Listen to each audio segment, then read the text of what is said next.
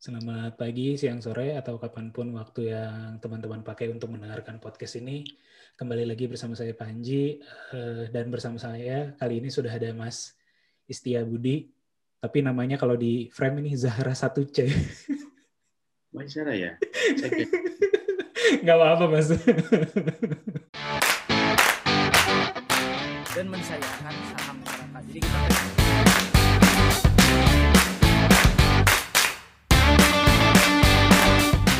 beda sama Jakarta kalau orang Bandung tuh uh, pasti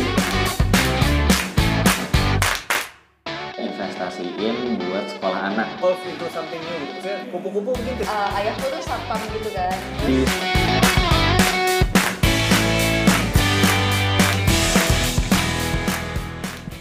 Punya ini ya, akun buat anak ini ya, eh, pas lagi eh, sekolah online ya. Oke, sudah diganti. Eh, itu gimana Mas eh, mendampingi eh, anak sekolah online nih?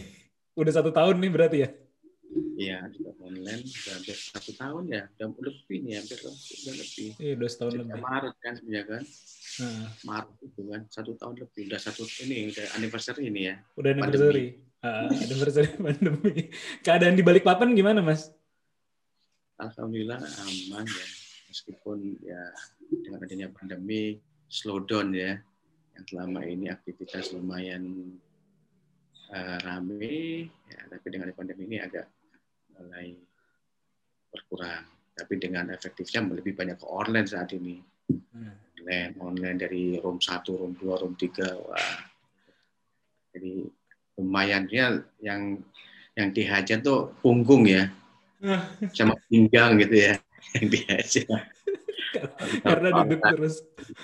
Ini bagi yang belum kenal Mas Istia, aku kenal eh, Mas Istia itu di, dari kegiatan di MIKTI sebenarnya ya. Pertama kali kita ketemu eh, Ya, ya waktu itu ya. mm-mm, kayak 2016 atau 2017 gitu lah ya. Di di Ya. acara backup kayak gitu. Eh, Badan Ekonomi Kreatif for Pre-Startup. Sekarang kalau nggak salah kegiatannya Ya, masih jalan, tapi nggak bareng sama MIKTI ya? Ya betul. Eh, Nggak tahu sama siapa bid- eh, untuk backup yang kena paragraf dikelola bukan sama MIT lagi, tapi masih berjalan itu udah mau di bulan April ini udah mulai itu di apa dipromot untuk segera daftar teman-teman. Ya, alhamdulillah sih masih berjalan ya. Hmm. Salah satu yang digawangi waktu sama MIT sama Bekraf ya, Hmm. dan itu masih digulirkan alhamdulillah. Itu program yang bagus ya dalam arti untuk mengembangkan startup pre-startup yang salah satu mentornya kan Mas Panji waktu itu kan programnya Mas Panji itu ya. Dan itu ah, luar biasa. Antum an- an- animonya khususnya Kalimantan ya. Animonya luar biasa.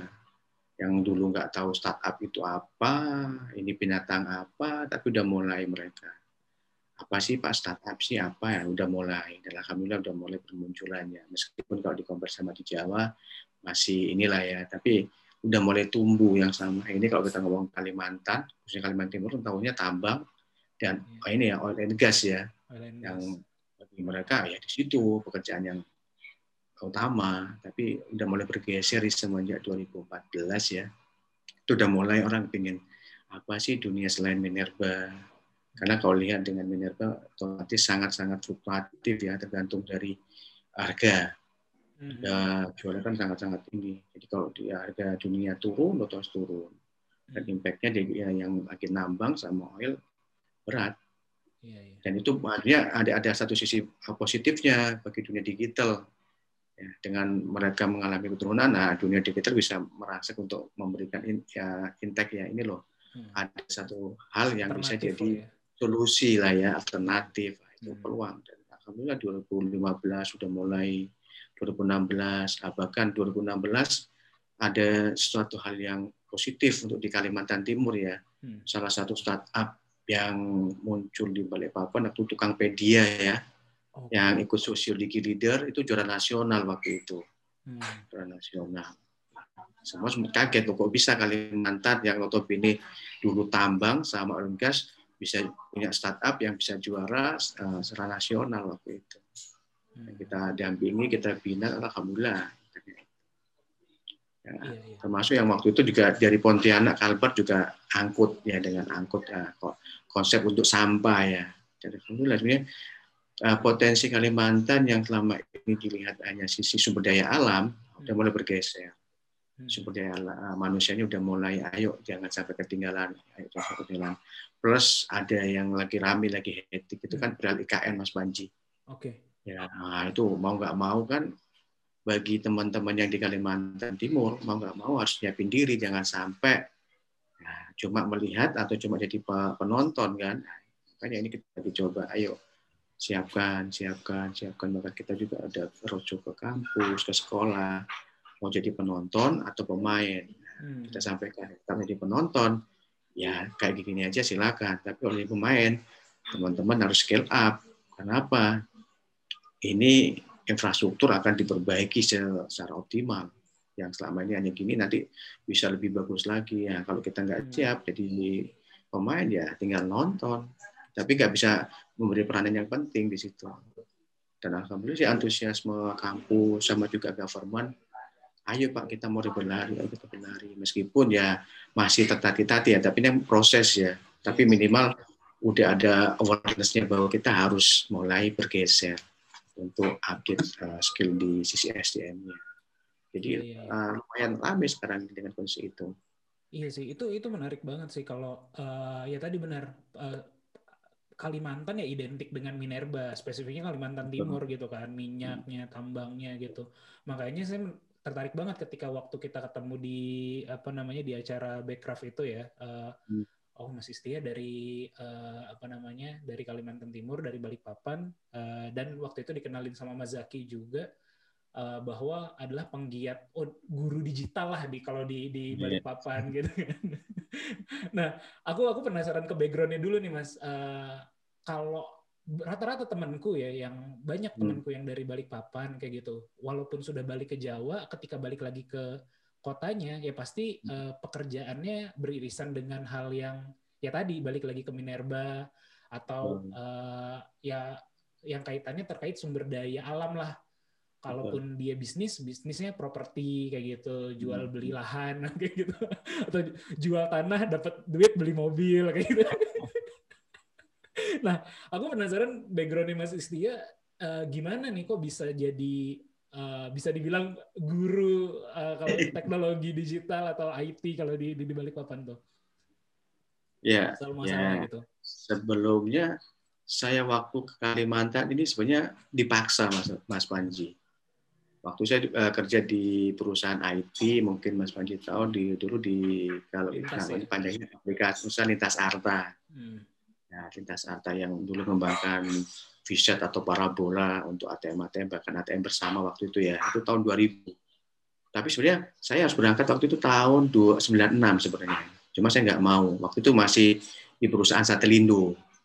Oh, itu grupnya terlindung. kan ya? Grupnya Indosat. Ya, sebelum Indosat, waktu Satelindo 95 itu saya udah udah dapat tawaran, saya ke Kalimantan. Tapi waktu itu ada kutip ya, Kalimantan kalau ke sana kan tahu sendiri waktu itu kan, Hmm. hutan, di ma- ma- manusia makan manusia, wah sudah nggak nggak dulu nggak berangkat. Hmm. Tahun 96 saya nggak nggak- nggak berangkat. Saya ambil lintas harta waktu itu, saya ditaruh di Jawa Tengah, di aslinya Semarang. mana Mas? Aslinya? Saya Surabaya, Oh, Surabaya. Surabaya. Jadi ya itu akhirnya saya di Semarang lima tahun. Nah ber- mau nggak berangkat ke Kalimantan Balikpapan? Wah ini tahun dulu tahun 96 saya tolak. Kalau nggak ini ini loh. Jadi tantangan. Jadi saya coba. Ternyata yang waktu itu tergambarkan bahwa Kalimantan itu hutan yang ini dan sebagainya masih primitif. Wah benar nggak ya saya coba berangkat. Ternyata pas mendarat di eh, Sepinggan beda banget ini udah ini bukan hutan nih bahkan udah kota udah metropolitan begitu Iya. jadi langsung kesan pertama wah kotanya bagus nih jadi waktu saya mendarat di Balikpapan belum sampai berapa satu hari saya harus berangkat ke Bontang waktu itu jadi langsung baru nyampe ayo kita ke Bontang. Berangkat ke Bontang. Lewat darat waktu itu sekitar ya 6-7 jam. Iya. lewat darat. Jadi langsung adventure itu. Nah itu baru saya baru lihat oh ini baru lihat hutan. Namanya lewat apa? Bukit Soeharto itu. Bukit wah Soeharto, ini iya. kawasan hutan Naik semua turun ya. naik turun. Wah ini benar ke Kalimantan ini baru kelihatan. Terus hanya habis Samaria kita lewat ke arah Bontang ya, lewat Muara Badak Wihina. Kita sempat mampir juga ke Bengkira yang masih gede-gede wah ini betul ini Kalimantan sana ke Bontang kita tuh ke PKT Pupuk Kaltim Hmm. juga ke sana karena kita lagi ada progres untuk pemasangan parabola untuk online PKT 9 eh tahun 2000-an ya tahun 2000-an tuh. Jadi mereka butuh online dengan masih belum ada fiber optik waktu itu masih pasang parabola yang besar di set itu 3,8 kita pasang di PKT untuk kebutuhan online mereka ke Jakarta. Dari situ wah ini kok hampir semua dari uh, dari Balikpapan itu lihat tuh oil, tambang, bekerja gitu Hmm. ada apa ternyata saya pelajari oh di sini memang minerba perusahaan minerba ya mineral dan tambang nah ini kan potensi bagi saya sebagai perusahaan IT kan Hmm. ke sana tapi waktu itu dilema Mas Panji saya disuruh hire SDM lokal waktu itu. Hmm. tahun 2000 sampai tahun 2005 saya cari lokal tuh susah. Hmm. tenaga lokal susah. Saya kira saya mau nggak mau saya hire dari waktu dari dari Malang dari Jawa Tengah saya hire ke sana. Dan alhamdulillah dapat dengan harga dengan kompeten, kompetensi yang skill yang bagus ya kita bawa ke sini dan mereka mau. Karena apa? Adventure kan? Iya. Kalimantan tahu sendiri jalannya belum kayak Jawa kita mau ke apa ke Bontang aja butuh perjuangan bahkan lokasi kita kan Kalimantan keliling itu sampai perbatasan perbatasan sampai di perbatasan Malaysia sana jadi sampai Long Bagu, Long apa, pokoknya kalau kita berangkat itu bisa satu minggu baru bisa balik. Jadi menarik, menarik, menarik. Tapi kita coba cari anak lokal waktu nggak nggak nggak nggak dapat, bahkan uh, mungkin merasa bukan pekerjaan mereka. Nah, akhirnya saya sempat dipanggil waktu itu sama kota, kenapa nggak ambil tenaga lokal? Bagi saya sampaikan, saya pengen tenaga lokal, tapi nggak dapat, nggak sesuai dengan spek yang ini kan Hmm. karena kami perusahaan kami ini perusahaan yang butuh eh, apa butuh challenge ya jadi berangkat sendiri dengan tool apa berangkat di hutan gitu pasang karena tambang-tambang kan memang di tengah-tengah gitu kan Iya, iya. dan komunikasinya hanya bisa dengan satelit Iya. waktu itu dan itu tantangan nah, anak sini masih belum berani atau bukan bukan saya itu Iya. bukan passion saya gitu tapi bagi anak Jawa ya yang ini wah ini enak nih saya jalan-jalan dibayari sama perusahaan kan mereka senang Hmm. Apalagi masih fresh graduate, fresh graduate gitu ya. Betul, ya, ambil yang masih baru lulus, ayo mau? Mau pak, ini nih berangkat. Kasih baru datang langsung suruh berangkat ke perbatasan, perbatasan di apa? Perbatasan di Malaysia. Malaysia. Tarakan ke sana lagi naik, Hmm. wah senang mereka. Oh, saya udah ke perbatasan ke Malaysia ini pak, foto ini ya. Jadi kan uh, teman-teman tantangan. Nah, tapi Les Smith akhirnya merasa bahwa tahun 2010 saya dimutasi sama perusahaan ke Sulawesi. Sulawesi. Sulawesi. Nah, Sulawesi Maluku lebih luas lagi daerah Indonesia Timur. Hmm. Sulawesi Maluku Papua. Base-nya Makassar berarti. Base-nya di Makassar. di Makassar, di Hmm. Makassar. Ya, coba ini ternyata hampir sama kasusnya. Cari SDM lokal tuh nggak nggak mudah. Iya. Ya, jadi ternyata tantangannya ini sama. Case waktu itu kita ta- ah, naruh orang yang di Papua, rata-rata dari Jawa. Jadi impact-nya biaya itu akhirnya bengkak kalau Tinggi. mereka pengen pulang kampung. Apa kasihan akhirnya. Hmm. ini ada apa kok ini ya kita coba edukasi edukasi akhirnya udahlah saya pengen ah, saya coba menantang diri saya bisa nggak saya kembali ke Balikpapan untuk cari SDM lokal akhirnya saya coba ke perusahaan saya mau sekolah eh, sekolah dulu boleh nggak S3 Nggak boleh ini ini. Saya mau unpaid leave. Nggak boleh Ya udahlah saya resign aja. Saya udah 17 tahun sebenarnya. Saya 17 tahun saya resign. Sayang loh posisi udah sekian. Ya memang sayang. Tapi saya punya sesuatu hal yang bagi saya menggelitik. Kenapa?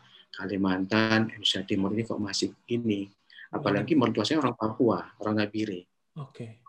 Nah, jadi kalau saya pulang kampung ke eh, istilahnya tuh wah ini lumayan juga memang jauh ketinggalan saya Hmm. saya coba akhirnya saya coba ngomong istri saya mau nggak saya mau ini tapi pilihannya di Balikpapan Surabaya atau Papua Hmm. mertua jangan ke Papua resikonya tinggi Hmm. karena penjaminan waktu itu nah, di sini masih terlalu ini apa susah orang diatur kalau saya Surabaya saya udah tinggalkan jauh udah lama 17 tahun di Surabaya saya nggak punya bis-bis Berarti itu kan 2000 2000 sampai 2017 tuh masih di lintas waktu itu ya? 2000 eh, saya kan masuk di atas 96 Oh 96 ya. 2013 saya eh, terakhir di lintas Terakhir di lintas ya. Oh, Oke oke. begitu akhirnya saya pilih ya udahlah kita di balik papan dengan kondisi mungkin nggak punya uang yang kayak waktu kita kerja nah di sini kita harus ikat pinggang dan sebagainya kita mulai dengan segala macam ini ya waktu itu ya kita butuh istiakan kalau enggak ya kan kita nggak berani.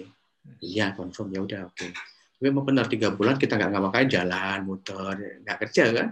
Sana lihat ini situasi lingkungan menikmati. Dalam satu bulan masih aman. Dua bulan aman tiga bulan udah mulai oh nggak enak ya. Biasanya kerja dan lain sebagainya ngurusin orang ini nggak ngurusin orang akhirnya coba ada nah, sempat teman mau nggak buka ini apa pelatihan. Di Samarinda waktu itu. Hmm. pelatihan. Nah, waktu kita pegang lisensinya Telkom BDC mungkin tahu ya Telkom BDC yang di Bandung. Nah, Hmm. kita beli franchise-nya di sana di Bandung. Kita coba kelola. Bagus waktu itu antusiasnya mereka. Jadi eh, eh, pendidikan yang dua tiga tahun itu Mas Panji. Jadi kita mau skill kan. Karena saya coba waktu itu bikin ngembangkan SDM Iya. saya ambil itu skillnya dapat nah dua tahun jalan tapi last minute kok nggak saya nggak bisa lebih ini ya lebih lincah dengan kondisi franchise ini. Satu sisi pemiliknya iya kayaknya berat ini.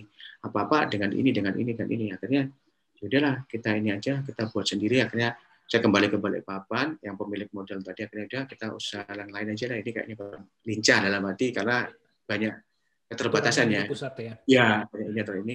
Akhirnya kita urus sendiri. Saya punya uh, buat uh, perusahaan yang memang di pelatihan Hmm. akhirnya saya ngurus ke person view yang untuk apa sertifikasi internasional itu kan ke person view di situ apa pun lengkap kan saya urus urus akhirnya dapat dapat lisensi jadi satu-satunya yang dapat lisensi di Kalimantan hanya saya Hmm. kalau teman-teman dari mana pun ah, dari Sulawesi dari apa oh, jadi tempat saya termasuk Hmm. Kalimantan apa Timur Kalteng, Kalsel ketemu saya. Jadi saya udah punya base itu, alhamdulillah. Jadi saya buat pintu ya sebenarnya untuk teman-teman biar update knowledge itu. Satu sisi kampus mulai mau nggak ngajar. Ya. Saya ngomong saya nggak nggak match, ilmu saya nggak match. Kenapa? Saya S1-nya teknik, S2-nya Ini pemasaran. pemasaran. Nggak match ini gimana? Nggak masalah nanti di ini. Ya udah, coba akhirnya keluar MDN saya mulai kampus satu coba ternyata benar based on-nya di kampus beda waktu kita kebutuhan industri. Hmm. Ada gap Impact. ya berarti ya. Ya gapnya wah ini ada yang salah kenapa ini ya? Kita coba rombak akhirnya. Gaya yang mungkin di kampus dengan textbook saya rubah saya di perusahaan ini kira-kira coba buktikan teorimu gimana? Nah, akhirnya ah, mereka malah senang mahasiswa. Kenapa? Karena saya dosen ada nanti dosen praktisi ya bukan dosen teori. Saya teori ya udah saya tinggalkan jauh kan.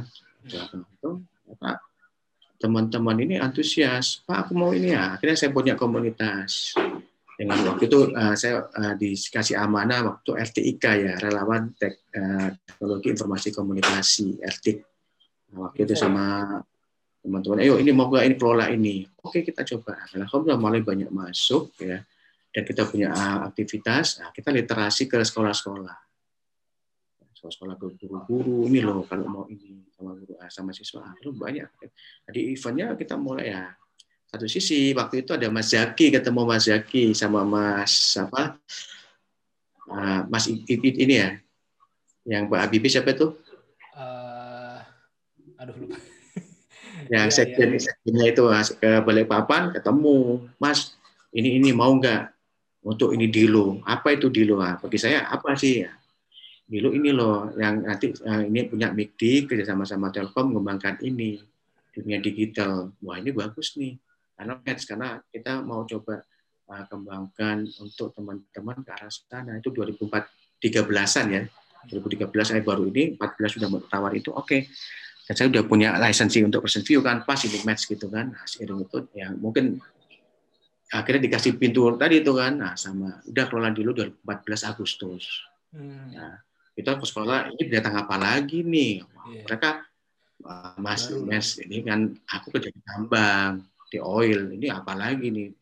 Dari janji enggak janji gimana? Ya ini memang enggak tapi ini bisa jadi alternatif. Kenapa berapa sih lapangan pekerjaan untuk tambang? Berapa untuk ini? Kita coba ini. 2015 belum mereka belum terlalu.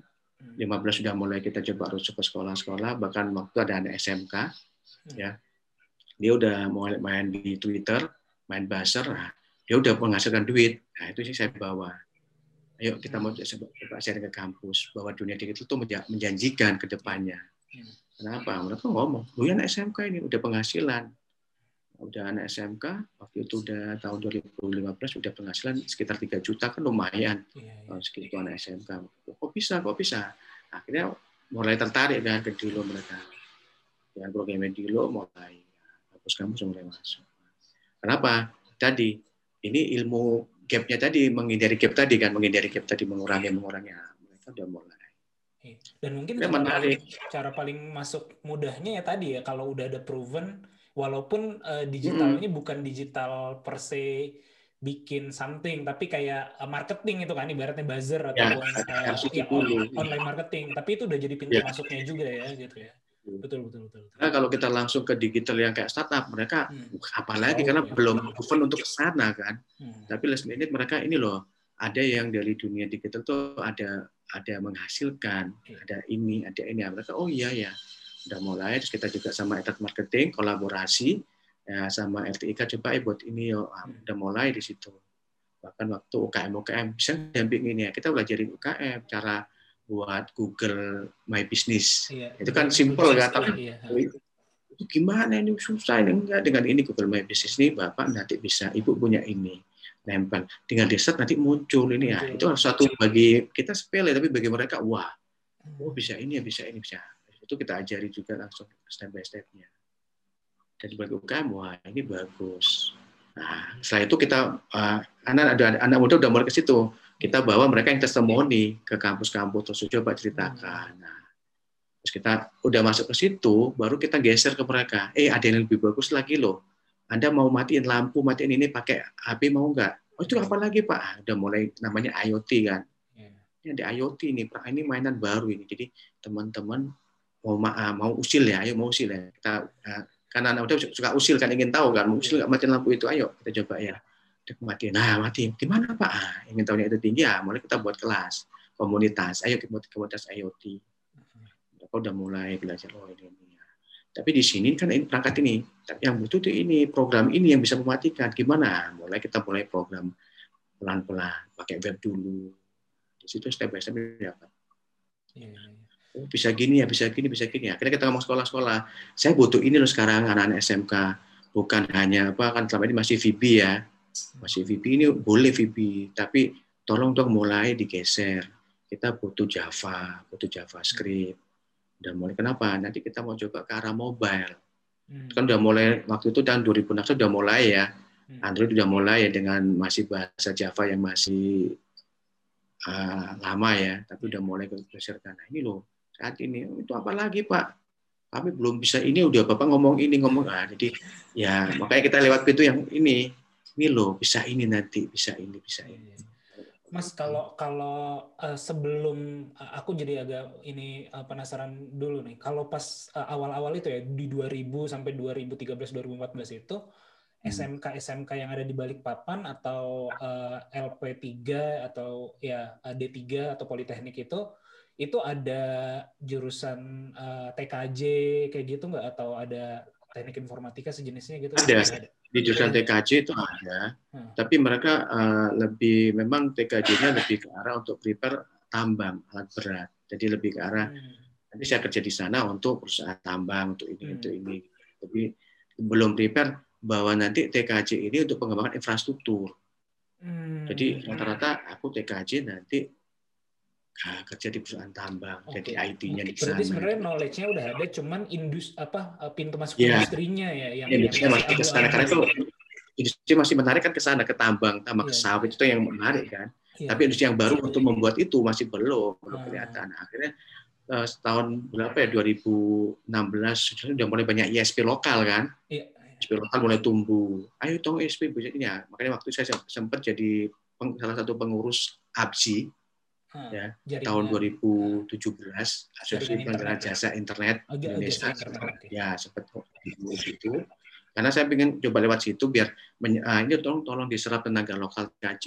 Kenapa mereka udah bis only-nya minimal udah bisa pegang router, pegang Oke. ini routing udah bisa, tolong dipakai tenaganya mereka. Dan akhirnya udah mulai dipakai. Yang mereka selama ini berpikirnya TKJ ya nanti tam, ditambang kerjaannya. Hmm. Meskipun di situ hanya sebagai helper sebenarnya, bukan sebagai apa uh, fungsi yang ini karena apa mereka di semua di remote ke Jakarta kan. Iya iya iya betul. betul. Jadi tolong di ini kan buka ini mereka udah duduk manis mereka di remote semua. Jadi sebenarnya secara ilmunya nggak kepake secara Iya. overall Iya, cuma siapin nanti mereka remote tinggal duduk ya udah. Jadi lebih ke arah helper bukan iya. tenaga uh, IT yang memang tenaga ahlinya bukan tenaga ahlinya. Gitu, ya. ini. Makanya saya buat pelatihan di situ. Ini loh, saya mau pelatihan ini mulai Cisco, Mikrotik. Nah, kita buat pelatihan gratis. Kita gratiskan. Ada loh, kok gratis? Ya, saya ngajarnya gratis dalam arti mereka biar uh, sertifikasi di tempat saya. Nah, kita buat paket itu biar gratis. Nanti sertifikasinya di tempat saya dia mendapat diskon. Kalau teman-teman nggak di tempat saya mungkin bisa tapi nggak dapat diskon karena saya bisa ngasih diskon waktu itu buka kan kita saya juga satu anggota netakat Apa Ya. yang akademinya Cisco di situ. Oke oke. Jadi kalau teman-teman belajar nanti bisa dapat skor yang bagus akan dikasih uh, voucher diskon oleh Cisco Academy tadi. Nah, kita buat Ya. kelas yang bagus silakan. Nah ini dapat diskonnya, manfaatkan dengan baik. Hmm. Itu salah satu Oke. contribution Oke. Itu itu menarik banget sih. Apa ya? eh, berangkat tadi tadi dari ketika lagi kerja di lintas, sebenarnya problematika SDM lokal itu memang minim. Terus ketika keluar dari lintas, eh, Mas Setia bikin eh, lembaga pendidikan lah. Nah waktu itu vokasional lah ibaratnya ya, masih eh, apa ya, sifatnya vokasional lah. Nah ketika mau kerja sama dengan perguruan tinggi atau eh, mengajar juga di perguruan tinggi, eh, tentunya gaya vokasionalnya tetap dibawa kan, eh, yang sifatnya praktikal Betul. eh, kayak gitu-gitu. Nah memang sebenarnya ada, eh, saya bah- saya ngeliat memang ada gap sih sebenarnya. Jadi eh, gap dalam konteks bahkan di Pulau Jawa juga ya, banyak banget tuh rasanya kayak institusi pendidikan tuh eh, terlalu jauh gitu dengan praktikalnya. Makanya kadang-kadang kenapa nggak? Saya saya lebih mikir kenapa nggak vokasional aja dalam dalam konteks eh, ya vokasionalnya ilmu lapangan tidak tidak tersertifikasi lah. Kebanyakan kan juga eh, bahkan kalau kita lihat kadang-kadang tuh kalau eh, programmer ya misalnya programmer yang DO tuh lebih jago daripada programmer yang lulus kadang-kadang kan kayak gitu. Lebih jago. Iya. Nah, itu eh, gimana tuh kalau Mas Istia berusaha mempertemukan antara perguruan tinggi yang institutionalized dengan ya tadi ilmu prakteknya gitu. Semuanya di, dilempar ke lapangan atau kayak gimana gitu. Nah, jadi gini, contoh saya juga selain ah, saya saat alhamdulillah saat ini um, hampir empat kampus ya. Saya ngajar di Universitas Mulia yang memang universitas, terus juga ngajar di Politeknik Negeri Balikpapan. Ya, ini lebih ke arah vokasi dan ah, dengan pandemi ini makin naik lagi. Saya ngajar di untuk di kampus Politeknik Pertanian Samarinda. Oke. Ya, jadi pertanian ini juga ada jurusan namanya TRPL. Ya, di situ sama juga di Politeknik Negeri Samarinda. Jadi empat kampus, satu eh, terus satu SMK juga satu, satu ada LP3I. Jadi semua di vokasi. Berarti ya. Kita gapnya ke situ kita coba coba coba sampaikan bahwa ini loh yang di lapangan itu kebutuhannya ini. Ya, Anda masih di sini. Kira-kira mau nggak ngikutin ini gaya ini? Nah, tapi setelah setelah Anda eh, setelah sterilisasi terserah Anda, tapi minimal saya butuh ini poin A. Anda bisa ke ke A. Nah, kita coba ke situ. Aku nggak bisa ke sini, waktu saya nggak punya. Oke, saya buatin kelas khusus teman-teman yang mau sini. Kita buatin kelas. Dan alhamdulillah rata-rata yang bisa ikut kelas kita terserap. Ya, Hmm. jadi eh, contoh yang kita ada kantor BPK Keuangan yang di Balikpapan. Iya. Jadi mereka sebagai EOS, tenaga EOS dipakai di sana, eh, kepake dan kita sertifikasi mereka angkanya bukan UMK lagi, Mas Panji. Karena ada tadi sertifikat mereka naik. Ya, kalau S1 itu masih diakui UMK di sini kadang-kadang. Ya, lulus SMK masih UMK, kan kasihan banget. Makanya kita coba sertifikasi mereka naik. Ya, itu mulai jadi ini. Jadi dengan case itu mereka berlomba-lomba, Pak, aku mau ikut belajar itu biar saya naikin kelas. Dan mulai anak SMK pun udah mulai nyari yang kuliah yang mau mau lulus, Iya. Pak, aku mau sertifikasi ini. Oke, kamu pelajarin ini dulu, ini dulu, ini dulu. Nah, nanti kalau udah siap, oke, nanti saya bootcamp. Nanti teman-teman sertifikasi. Kenapa? Bukan masalah uangnya. Kalau Anda nggak lulus kan sayang ini ada uang yang lumayan gede untuk kalau ujian. Nah, harapan saya Anda lulus. Makanya kita coba ini. Saya mending Anda nangis di kelas saya dibanding waktu Anda ujian nggak lulus, sayang kan? Nah, jadi lebih gitu, lebih kata orang jahat banget bukan jahat. Kenapa? Ini saya lebih teman-teman berdarah-darah di awal dibanding nanti di sini slow, tapi pas di pekerjaan Anda nggak bisa apa-apa. Satu, nama kampus Anda dianggap nggak perform. Sekolah Anda juga dianggap nggak perform. Saya mending teman-teman nangis di sekolah atau di tempat saya nangis, tapi teman-teman paham nanti mau ini, mau ini, mau ini. Ya, impact-nya, jadi banyak teman-teman, uh, guru-guru atau uh, dosen, aku boleh nggak uh, anak-anak magang di tempat yang masuk, silakan. Tapi saya punya aturan dia. Kalau nggak sesuai dengan ini, saya kembalikan. Kenapa? Saya nggak cari mahasiswa atau anak SMK yang pintar, tapi saya ingin cari mahasiswa yang mau sama anak sekolah yang mau untuk uh, belajar ini loh. Nah. Dan alhamdulillah mereka rebutan. Tapi kita batasi. Kenapa? Kita ingin jaga kualitas tadi. Jadi memang kita jaga dan ini dan alhamdulillah dari situ Mas Mas Panji saya dapat bisnis sebenarnya. Dapat bisnis baru. Kenapa? Mereka punya posisi di perusahaan masing-masing. Nah, mereka akan kontak saya, Pak, aku ada kerjaan ini, mau nggak ini, mau nggak ini. Oke, siap. Yang kerja siapa ya? Teman-teman yang saya, saya didik Oh, tadi. iya, ini iya, kerjaan iya, ini. iya. Iya, Kerjaan ini, kerjaan ini. Anda punya portofolio ini. Nah, itu jadi akhirnya korelasinya itu Hmm, bersambut mereka. Yang baru orang untuk masuk. Hmm. itu yang saya coba bangun dalam arti kata sih kok gak sayang ini kalau pas bukan itu hanya mereka tapi bagi saya ini bisnis yang memang saya harus update tem- semua terus terusan kenapa kalau ini saya saya keep semua mereka nggak bisa ikut kan saya Iya, iya. jadi saya itu saya dapat yang baru ini ada ini kerjaan dapat ini ya kayak gitu terus Alhamdulillah- dipakai terus Iya, iya. itu itu jadi ekosistem ya berarti ya. Ekosistem, makanya. alumninya kerja di mana, nanti membantu yang ada di dalamnya juga, eh, yang di lembaga Betul. pendidikannya juga. iya eh, bagi yang anak-anak baru dapat portofolio, dapat tempat Betul. belajar, bagi perusahaannya dapat produk atau da- dapat produk yang bagus Hmm. terus standarnya itu. Jadi kita Iya, coba ambil. Ternyata karena mahal loh. Ya bagi saya bukan mahal di situ tapi trust yang kami bangun di situ. Kenapa? Mereka uh, perform performasinya nggak nggak nggak abal-abal nggak kaleng-kaleng. Mereka punya uh, punya kompetensi. Jadi ini loh yang kita jual di situ. Nah, kalau Alhamdulillah bicara- sampai sekarang itu. Bahkan bahkan Telkom Telkom tuh butuh. Mas aku butuh program ini nih. Ini agak mahal speknya. Kenapa? Ini uh, ini full stack ini nggak bisa dipenuhi kalau gini kalau mau mau nggak kayak gini oh, boleh kita di menegosiasi ini ini, ini. oke ini ada ini cocok cocok ini cocok mas bagus ah jadi dari situ kita akhirnya jadi, jadi kayak apa ini gak kalau ada kebutuhan ini kok Pak Setia Budi ada itu Iya, iya. Padahal stoknya sering habis.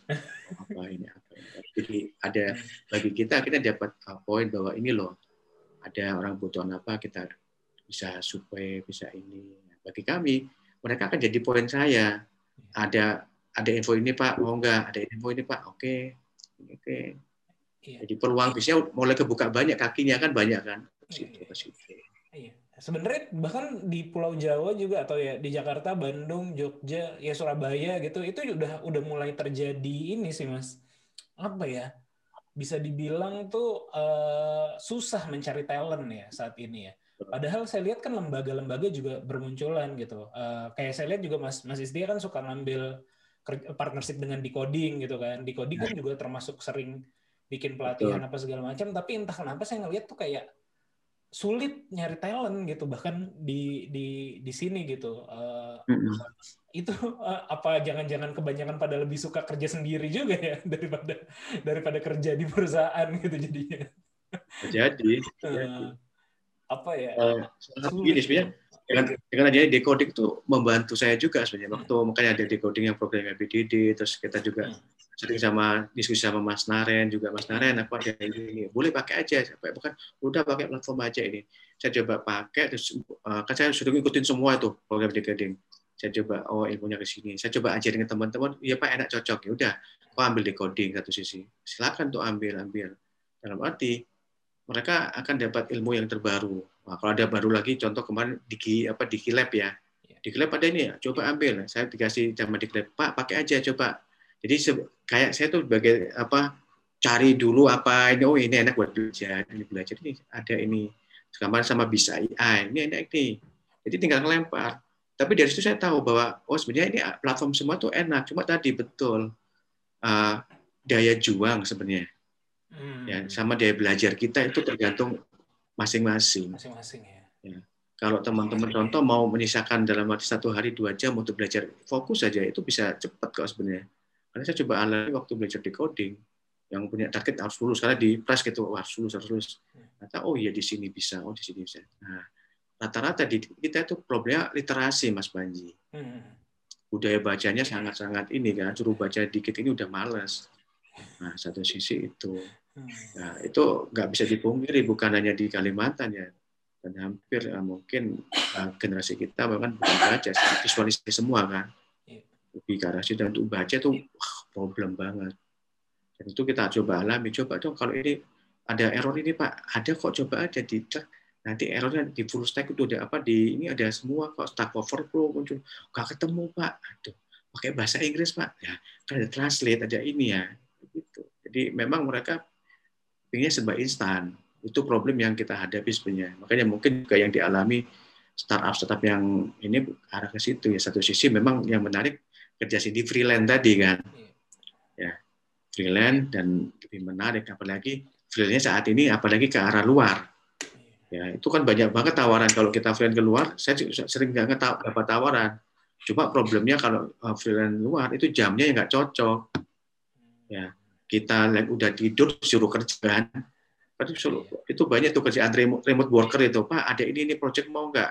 Tapi bapak standby jam satu malam sampai jam ini kan sana jam kerjanya situ kan. Iya. ya nggak bisa jam-jam tidur. Tapi lumayan sebenarnya kalau kita ngomong duit spendnya lumayan. Iya, iya. Nah, Nah, itu kalau- problemnya kita kalau memang kita siap-siap Iya, kalau ngomongin ini Mas, eh, tadi kan udah Mas Isti ya ibaratnya membawa industri baru lah ke Balikpapan gitu ya terkait dengan eh, teknologi informasi dan digital. Nah, kalau saat ini kalau di Jawa udah kelihatan nih trennya udah mulai bergeser gitu. Tadinya di kampus-kampus lulusannya orang-orang pada pengen kerja di oil and gas yang top top of mind-nya lah kayak Ya. gitu atau di perusahaan-perusahaan BUMN kayak gitu. Tapi kan sekarang di eh, di Bandung gitu misalnya atau di Jakarta rata-rata tuh pada pengen bikin startup, startup digital, startup hardware kayak gitu. Nah, di Balikpapan gimana nih kondisinya? Apakah mahasiswanya atau lulusan-lulusan SMK-nya udah mulai berpikir ke arah uh, build uh, bisnis uh, digital atau teknologi informasi kayak gitu kah? Udah atau atau sudah sejauh mana gitu? kalau ke arah ke sana udah mulai tapi nggak seberapa besar yang di kayak di Bandung ya tadi udah, Hmm. udah mulai tapi masih yang menarik bagi mereka masih ASN mas. Itu masih Hmm. menarik itu. Bahkan kalau ada lowongan tuh mereka berjubel-jubel masih ini. Kenapa? Ya saya dapat pensiunan seumur hidup dari ini ke ini. Ya itu itu bagi mereka masih jadi pilihan prioritas lah ya. Tapi udah mulai berkurang dibanding sebelumnya. Termasuk saya tetap ingin kerja di BUMN yang men, yang mentereng terus juga di perusahaan yang tambang. Contoh kalau di kan kerja di apa Total atau PHM ya Chevron itu di PHKT, Faiko itu di PHSS, karena itu semua kan jalannya di Pertamina itu masih uh, daya tarik bagi teman-teman. Tapi memang problemnya kan uh, kampus di sini levelnya banyak kan masih grade-nya masih C sama B ya. Hmm. Jadi kadang-kadang untuk bersaing sama kampus yang dari Jawa masuk tuh otomatis mereka lebih tinggi kan. Iya. Jadi kalau udah administrasi kadang-kadang kita kalah step di situ. Keterima tapi biasanya levelnya bukan level middle up, Iya, iya. masih ke apa tengah-tengah ya. Jadi asumsinya kalau ada ya kalau kita bahasa ngomongnya sebenarnya banyak yang masuk ke sana itu posisinya yang cari kan yang memang rata-rata usernya kan. Usernya dari mana? Kebanyakan lulusan dari ITB dari UGM dari ITS otomatis mereka pasti bawa uh, dari rombongannya kan yang memang punya tahu tren ininya kan. Nah, di situ. Tapi itu bagi kita juga ini loh kalau kamu main di sana memang gapnya tinggi padahal ada peluang lebih bagus lagi digital Iya. ya coba ada ini ada ini ya. yang lagi etik kita coba uh, mungkin ya yang lagi naik daun kan Mbak Utari itu yang pasar laut Iya. ya yang Aruna coba lihat itu Mbak Utari anak-anak balik papan anak nelayan yang notabene dulu siapa sih nelayan ini ya. tapi sekarang Mbak Utari udah bisa jadi go internasional bahkan udah masuk Forbes umur 30 dan lain sebagainya bahkan saat ini salah satu yang masuk ke Google ya 8 startup. Anda nggak tertarik dengan itu? Kok bisa Pak? Ah, udah, udah mulai sih ke situ. Satu sisi ada kampus yang mungkin baru yang yang paling baru ya, ya namanya teknologi Kalimantan. Ya itu yang baru dan memang dia uh, waktu itu banyak belajar dari ITS ya memang dua tahun sempat kampusnya di ITS jadi punya apa punya habit culture-nya dari ITS dibawa ke sini otomatis bagus ke bawah uh, ritmenya gitu yang serba cepat serba ini dan uh, apa kompetisinya juga tinggi ya itu lumayan jadi pemicu uh, dunia digital startup. Dan alhamdulillah mereka udah punya inkubasi uh, bisnis ya yang di uh, didukung sama Dikti ya. Dan kalau salah itu salah satu mentornya dari Mikti Mas Indra Mas Indra Purnama. Jadi jadi udah mulai jadinya udah mulai ada dibangun. Bahkan kemarin juga salah satu salah satu stafnya sempat masuk ke DJV ya di lo apa customer validasi ya. Di lo customer validasi ya yang uh, bergerak di peternakan uh, peternakan sama perikanan. Udah masuk ya udah mulai dan kita juga yang tadi yang udah berhasil itu tolong dong testimoni nah, mereka udah, mulai ngomong ke adik-adiknya ini loh ini bagus loh ini bahkan saya dapat uh, dapat bantuan bakat funding nah, sering dapat ini kan dari Dikti dapat ini. Nah, dapat ini loh ada potensi bisnis yang baru dan teman-teman bisa ngelola sesuai passion teman-teman. Nah, udah mulai bergeser. Alhamdulillah sih udah mulai yang selama ini nggak pernah dilirik ini udah mulai ada ini loh ada ini dan mulai tumbuh. Bahkan sekarang ya mungkin belum di digital tapi udah mulai ke arah bisnis konvensional mas. Udah buka kafe coffee coffee gitu coffee shop. Udah mulai itu. Teman-teman mahasiswa punya kafe kayak janji jiwa. Tapi yang lokal lokal gitu udah mulai. Wah ini udah bagus lah. Jadi secara bisnis konsepnya udah mereka udah mulai saya pengen bisnis sendiri ya. Kan udah mulai ter ini kan. Jadi mulai terbuka. Jadi saya bisa kelola ini kelola ini. Makanya kemarin juga salah satu dari gerakan lunas ya yang apa UKM naik kelas. Mas Budi tolong dong bantu kami untuk ini. Salah satu foundernya Pak Cak Samsul itu. Coba dong. Oh, oke Cak kita coba. ya. UKM UKM mereka itu sama termasuk sama Mas Zainal ya yang di Surabaya. Ayo kita ini gerakan UKM karena kita mau coba uh, UKM juga karena kita dalam arti pemahaman tadi bahwa kalau kita konvensional kita nggak bisa secara produk kita hanya lokal itu aja. Kita mau coba produk yang ada ini bisa go, uh, go nasional minimal. Dan alhamdulillah udah mulai ada contohnya kek salah, apun kepiting, kayak kepiting udah mulai. Ya bahkan uh, ada uh, uh, apa helper-helper dari Kalimantan udah mulai bisa di keluar dari Kalimantan ke, ke Jawa ada ini bawang apa bawang tiwai bawang, bawang dayak itu udah mulai. Yang selama ini nggak pernah dilirik kan akhirnya udah mulai. Coba ini dong coba ini. Kerjasama waktu kita sama sama woman trainer juga Oke. trainer Ayo kita coba balik papan. Dan memang pertama apa lagi? Kok gini kok gini ya. Tapi ya kita mau coba. Dalam ini memang kita harus siapkan ketambahan informasi IKN di di Kaltim wah mereka pada wah ini harus ngapain harus ngapain harus ngapain? Momennya pas makin kita dorong anda jadi penonton. Mau apa? Ya, gimana? Ya ini harus segera skill up skill up. Kalau enggak ya peluang kita akan hilang anda Ah. bisa tersisihkan Aku ini mas, eh, ingat kalau nggak salah kan eh, sebelum kita ngomongin yang eh, UKM dan kreatifnya ya di akhir gitu. Aku ingat di tahun 2017, 2018 tuh kan minyak jatuh banget ya. Eh, Betul. Minyak, eh, batu bara, minyak sih yang kerasa Benar. banget ya. Batu bara eh, juga juga lumayan gitu. Nah itu gimana itu tuh? PHK dampak- besar besar mas oh itu PHK besar besaran Nah, ya banyak banget di Kalimantan Timur tuh impactnya banyak pengangguran ya hmm, akhirnya pada pulang ke kan mereka kan uh, urban ya Iya. banyak pendatang yang di ini akhirnya pada pulang kampung ya Hmm. bahkan sini banyak rumah-rumah yang selama ini mereka beli dengan cash akhirnya banyak yang kosong hmm, jadi sebenarnya pergeseran itu dengan dampaknya oil and gas mineral jatuh Iya. banyak orang yang dalam arti nggak bisa bertahan lagi mereka cari bisnis lagi gitu loh hmm. Nah, shifting atau pivot Yang apakah itu eh, apakah itu jadi momentum buat eh, ke digital atau ke ke industri kreatif yang tadi Mas Istia Ya. ceritain gitu? itu salah satu salah satu pemicu dengan makin itu makin mereka bergeser "Wah, ada peluang baru lagi nih dengan digital ya. dan sebenarnya ekraf- eh, ekonomi kreatif ada industri kreatif di Balikpapan udah mulai muncul contoh salah satu perfilman ya Nah, perfilman. Jadi salah satu juga teman-teman udah bisa go internasional. Bahkan tahun berapa ya? 2015 atau berapa itu sampai ke Perancis. Oh. masuk 10 besar teman-teman. Film pendek. jadi udah mulai sebenarnya. Jadi Film perfilman, ya Bahkan yang di kalau kita ngomong di Kukar itu salah satu seni pertunjukan ada Ero itu mas. Nah, itu kan Ero itu ya uh, itu udah mulai mau nggak mau yang uh, aku kadang kan tempatnya minyak itu sama tambang. Nah, kan nyiapin itu. Dan bahkan kota Tenggarong ya sama Balikpapan ini salah uh, masuk 10 kata programnya Bekraf. 10 oh, kata. Kata apa? Ya. Kata itu kabupaten kota ekonomi kreatif versinya Bekraf. 10 kota masuk itu. Jadi kalau Balikpapan itu kota apps and game, kalau Tenggarong itu masuknya kota seni pertunjukan, kabupaten seni pertunjukan. 10 hmm. kota. Ya, jadi yang kalau yang aplikasi end game itu Malang, yang di Jawa. Hmm. Jadi kita 10 kota itu otomatis balik papan masuk di situ. Ada 10 besar kita. Hmm. Jadi kita sempat makanya sempat papan kita coba belajar sama Malang.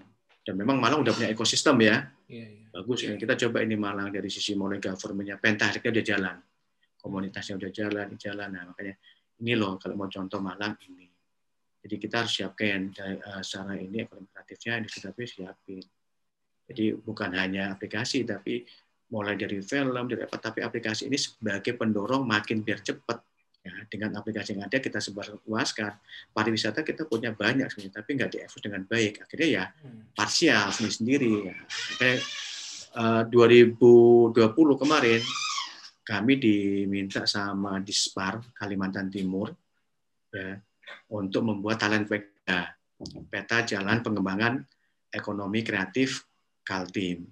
Hmm. Ya di ini semua didorong sama Kemenparekraf hmm. untuk membuat petanya gimana sih Kaltim ternyata benar kita coba cari subsektor itu mas 16 subsektor tiga ya yang utama malah di situ kuliner hmm. terus apa kria atau fashion nomor tiganya aplikasi end game sebenarnya udah mulai ke arah ke sana. Cuma memang mau ke mana sih lewat mana belum tahu ya. Makanya kita buatin peta ini loh petanya.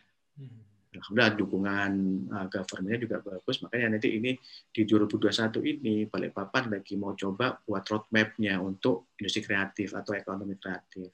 Jadi udah mulai melihat kenapa?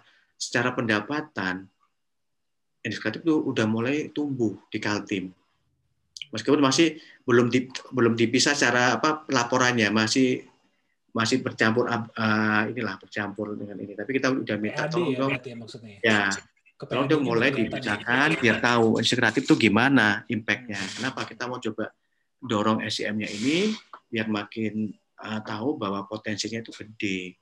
Hmm. Satu sisi kalau pariwisatanya digerakkan kan itu bukan hanya pariwisata yang ada UKM kulinernya dapat, seni pertunjukannya dapat, terus apa transportasinya juga dapat, yeah. aplikasi end game-nya apa yang dibutuhkan untuk mensupport ini. Nah, itu kan bisa dapat semua, bukan hanya satu tapi dapat semua impact-nya.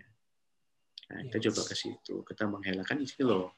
Kalau kita hanya berdasarkan ini ya, kita coba coba Banyuwangi yang dulu orang nggak tahu tapi sekarang bergerak untuk pariwisatanya dan semua dapat semua akhirnya cara ekonomi kreatif. Jadi kita coba ke situ belajar di situ. Saya lihat juga beruntung bukan beruntung ya. Uh, mungkin ada salah satu uh, ini juga trigger lagi nih yaitu uh, apa ibu kota uh, lanjut nih proses pindahnya kan ke Pasir ya ke ya, Kabupaten Pasir uh, Utara ya eh Kabupaten Pasir ya. Hmm. Nah itu kan itu kan juga masih uh, dekat dari Balikpapan kan berarti kan artinya juga akan akan men, bikin booster lagi nih kalau ada pemerintah pusat di situ berarti kan kebutuhan talent lokal yang yang mungkin kayak tadi ya skill-skill ya. kreatifnya atau skill-skill teknologi pasti akan akan dibutuhin lagi. ya, ya, ya the future sih ini kayaknya nih Kal Kaltim. Betul.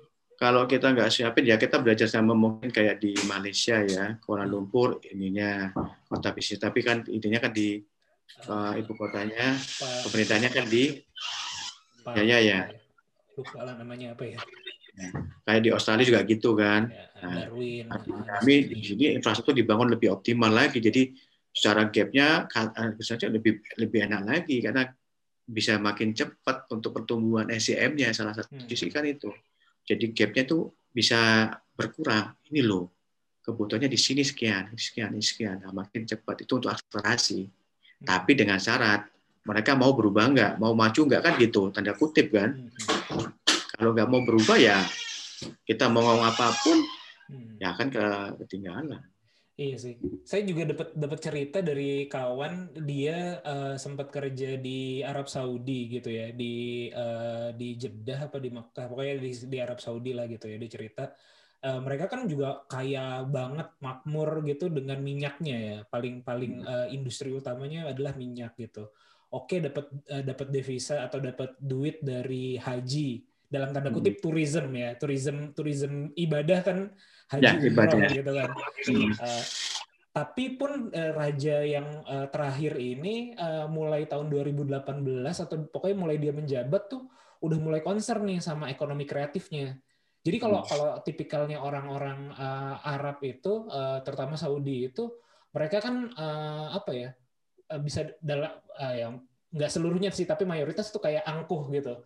Jadi Hmm. eh, apa namanya eh, ya gue udah banyak duit, kalian yang butuh ke sini. Jadi Ya. ser- budaya surfingnya tuh kurang nggak kayak orang Indonesia kan kita surfing banget ya melayani banget nah itu yang dirubah tuh jadi sama si rajanya katanya tuh udah mulai oke pelayanan hajinya diperbaiki pelayanan umrohnya diperbaiki customer service-nya dididik dengan lebih baik gitu bahkan kan eh, di tahun eh, 2016 atau 2017 itu eh, rajanya tuh bikin institut teknologi apa gitu. Itu yang yang gede banget kan gitu. Jadi me- udah mulai serius banget. Bahkan di negara yang apa ya sumber utamanya adalah minyak gitu. Tapi udah mulai concern ke teknologi dan industri kreatif. Dalam tanda kutip ya pariwisata pariwisata ininya gitu.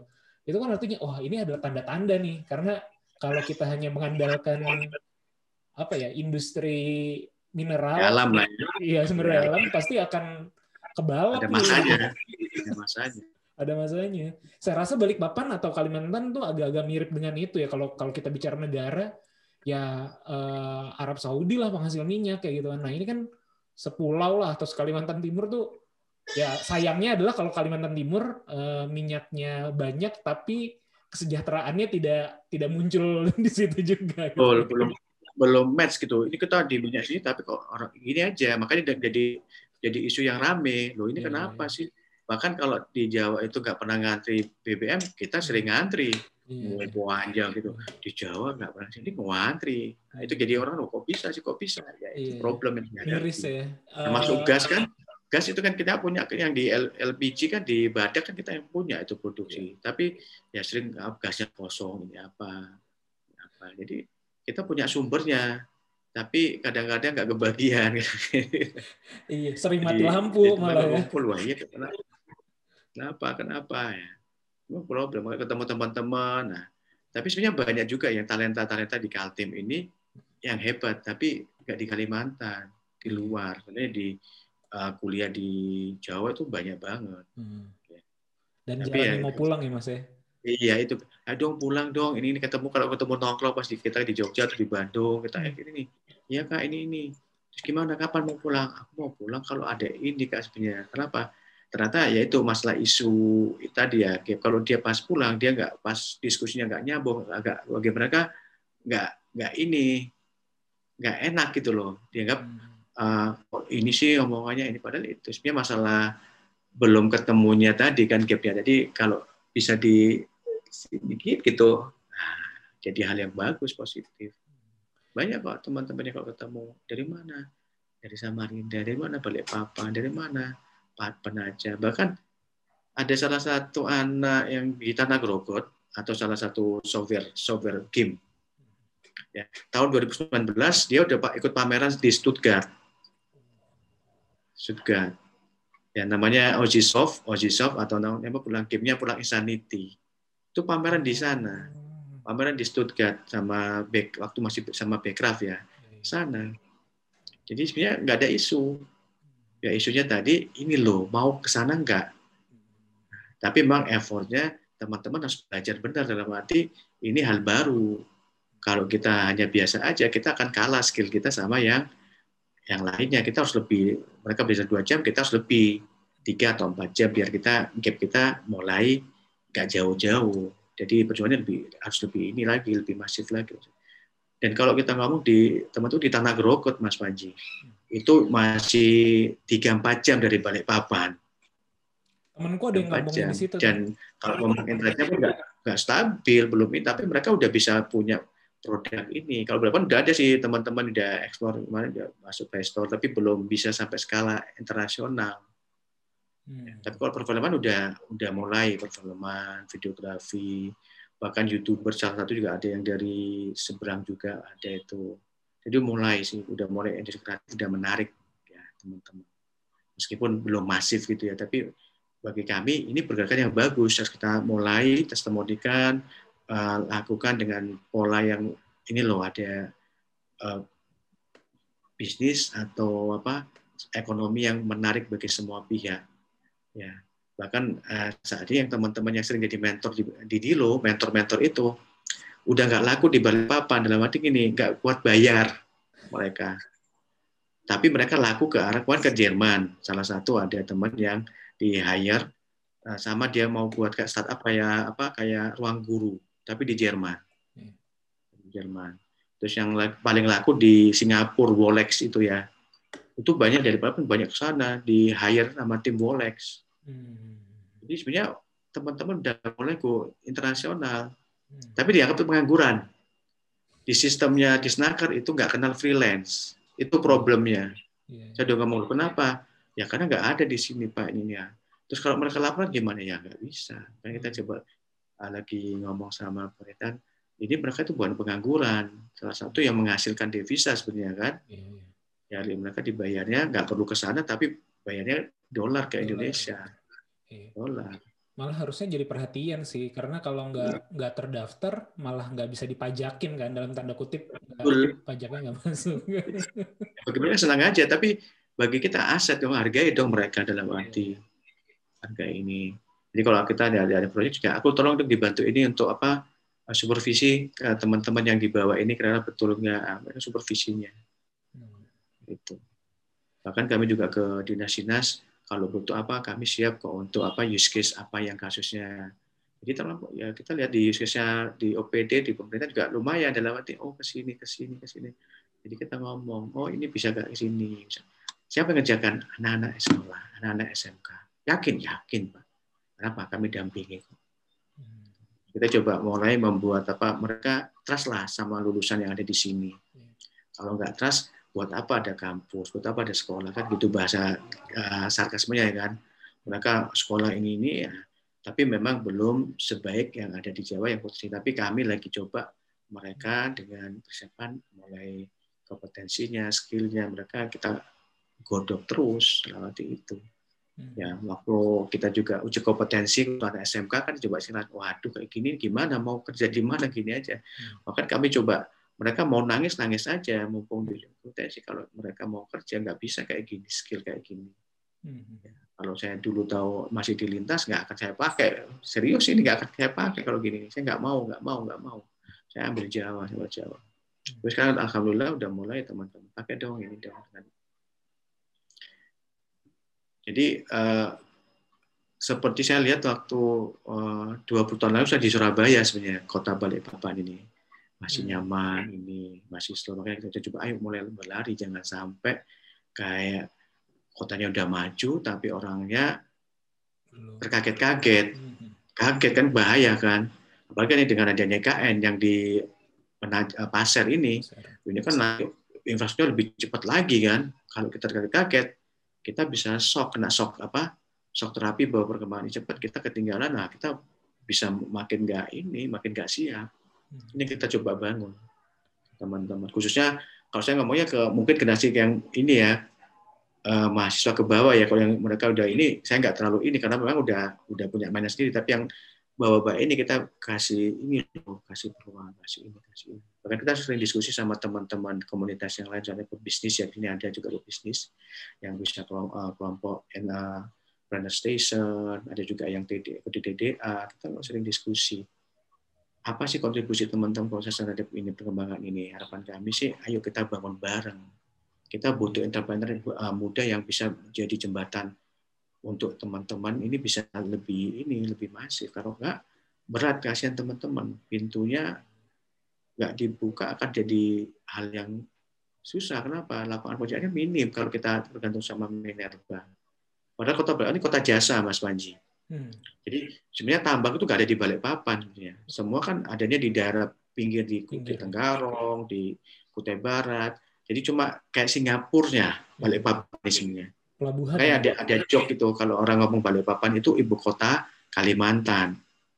Kalau ibu kota Kaltim itu Samarinda. Jadi eh, Kalimantan Balikpapan ini kota ya ibu kotanya Balik- Balikpapan kalau Kalimantan. Karena hampir semua ada di Balikpapan, urban di sini nih.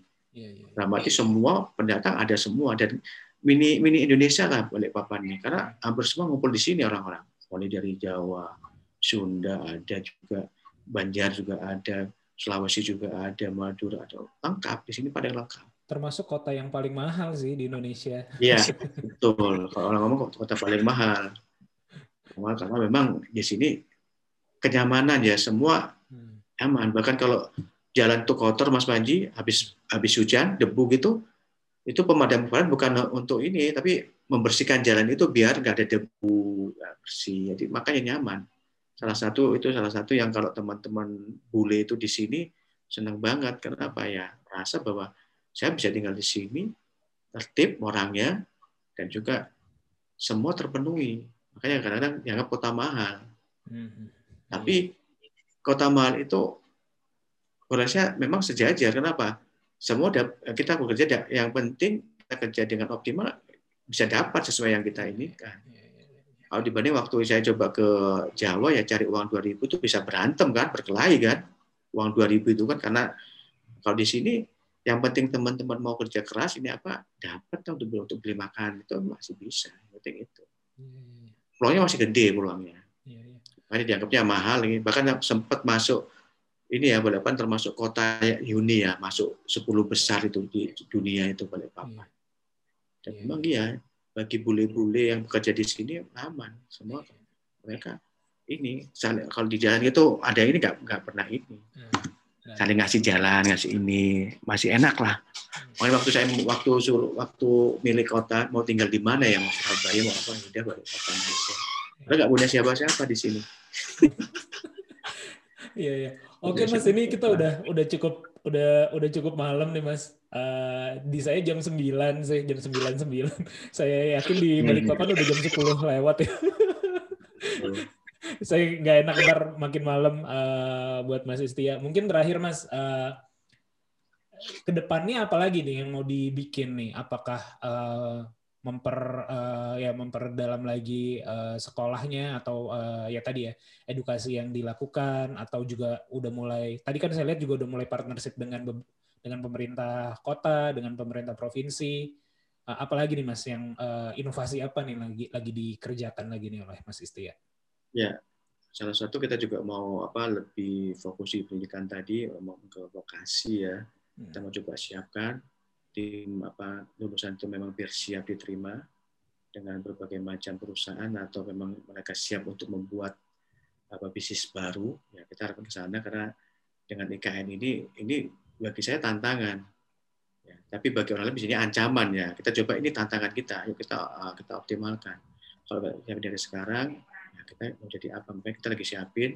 Bahkan kita juga uh, ngomong sama program Medilo saya pengen punya sekolah startup aja lah jadi saya nggak mau hanya startup yang kita ini, tapi kita pengen punya contoh punya 15 orang, saya didik dari situ nanti mereka kita inkubasi mau jadi hustler, hustler. fokus di hustlernya gimana, yang mau jadi apa hacker gimana, nanti kita uh, match matching gimana caranya biar mereka ini loh ada bisnis baru mau mau bisnis apa silakan, nah, kita mau coba ke arah sana, karena potensinya besar mas Panji. Kalau kita nggak siapin dari sekarang, ya akhirnya ya cuma sebatas numpang lewat ya startup udah lewat apalagi kita nggak kepingin itu.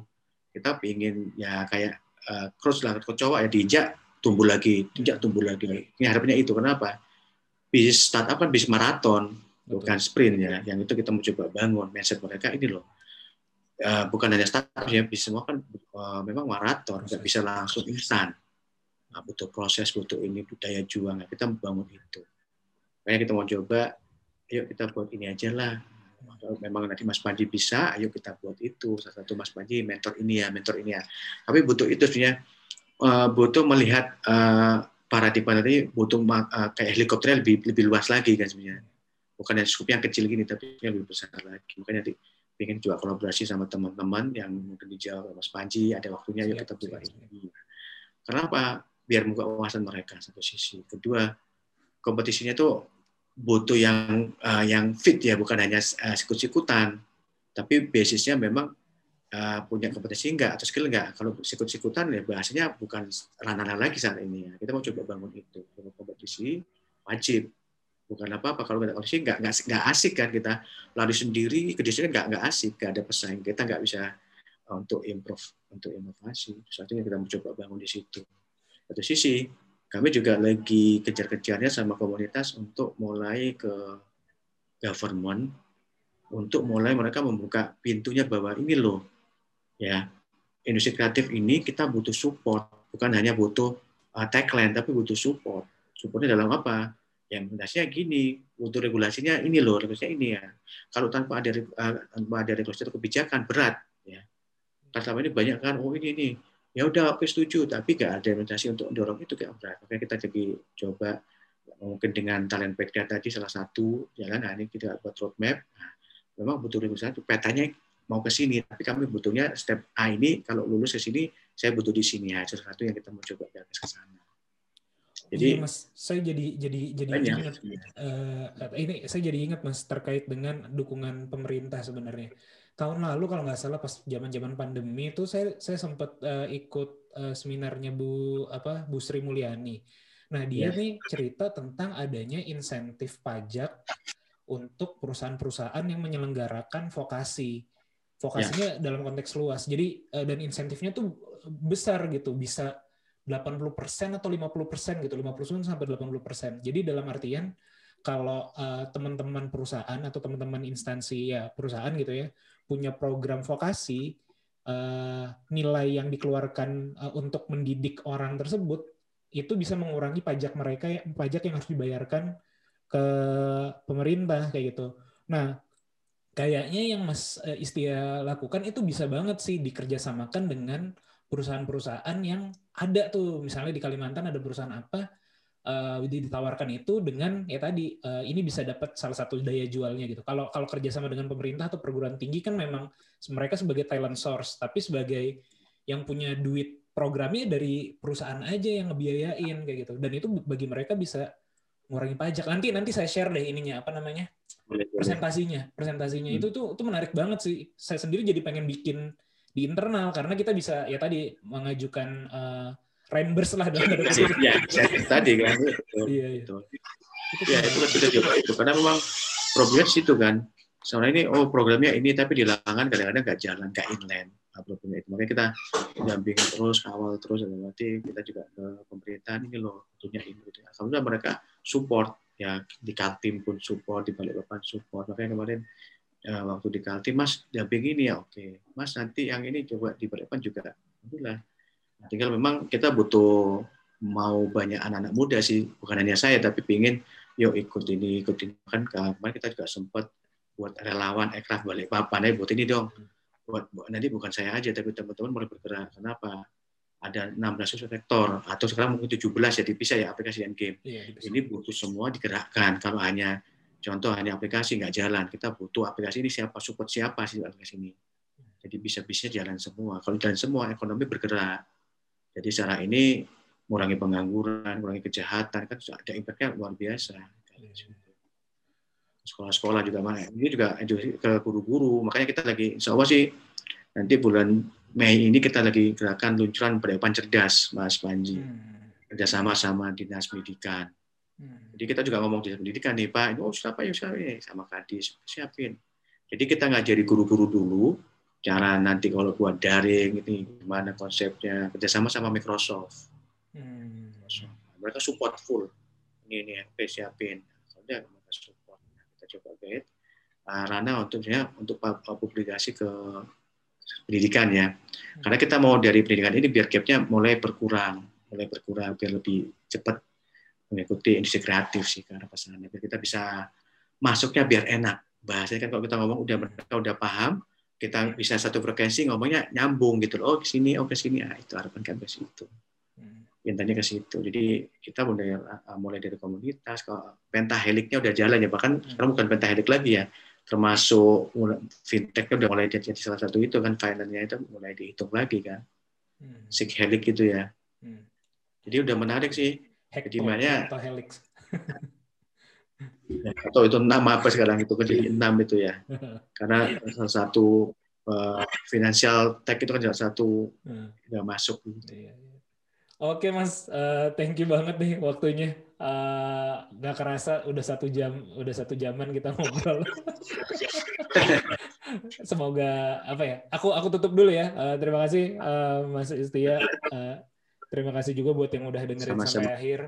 Eh, semoga obrolan kami ada manfaatnya. Eh, sampai ketemu di podcast ngobrol bisnis berikutnya. Assalamualaikum warahmatullahi wabarakatuh. Waalaikumsalam. Terima kasih Mas. Iya.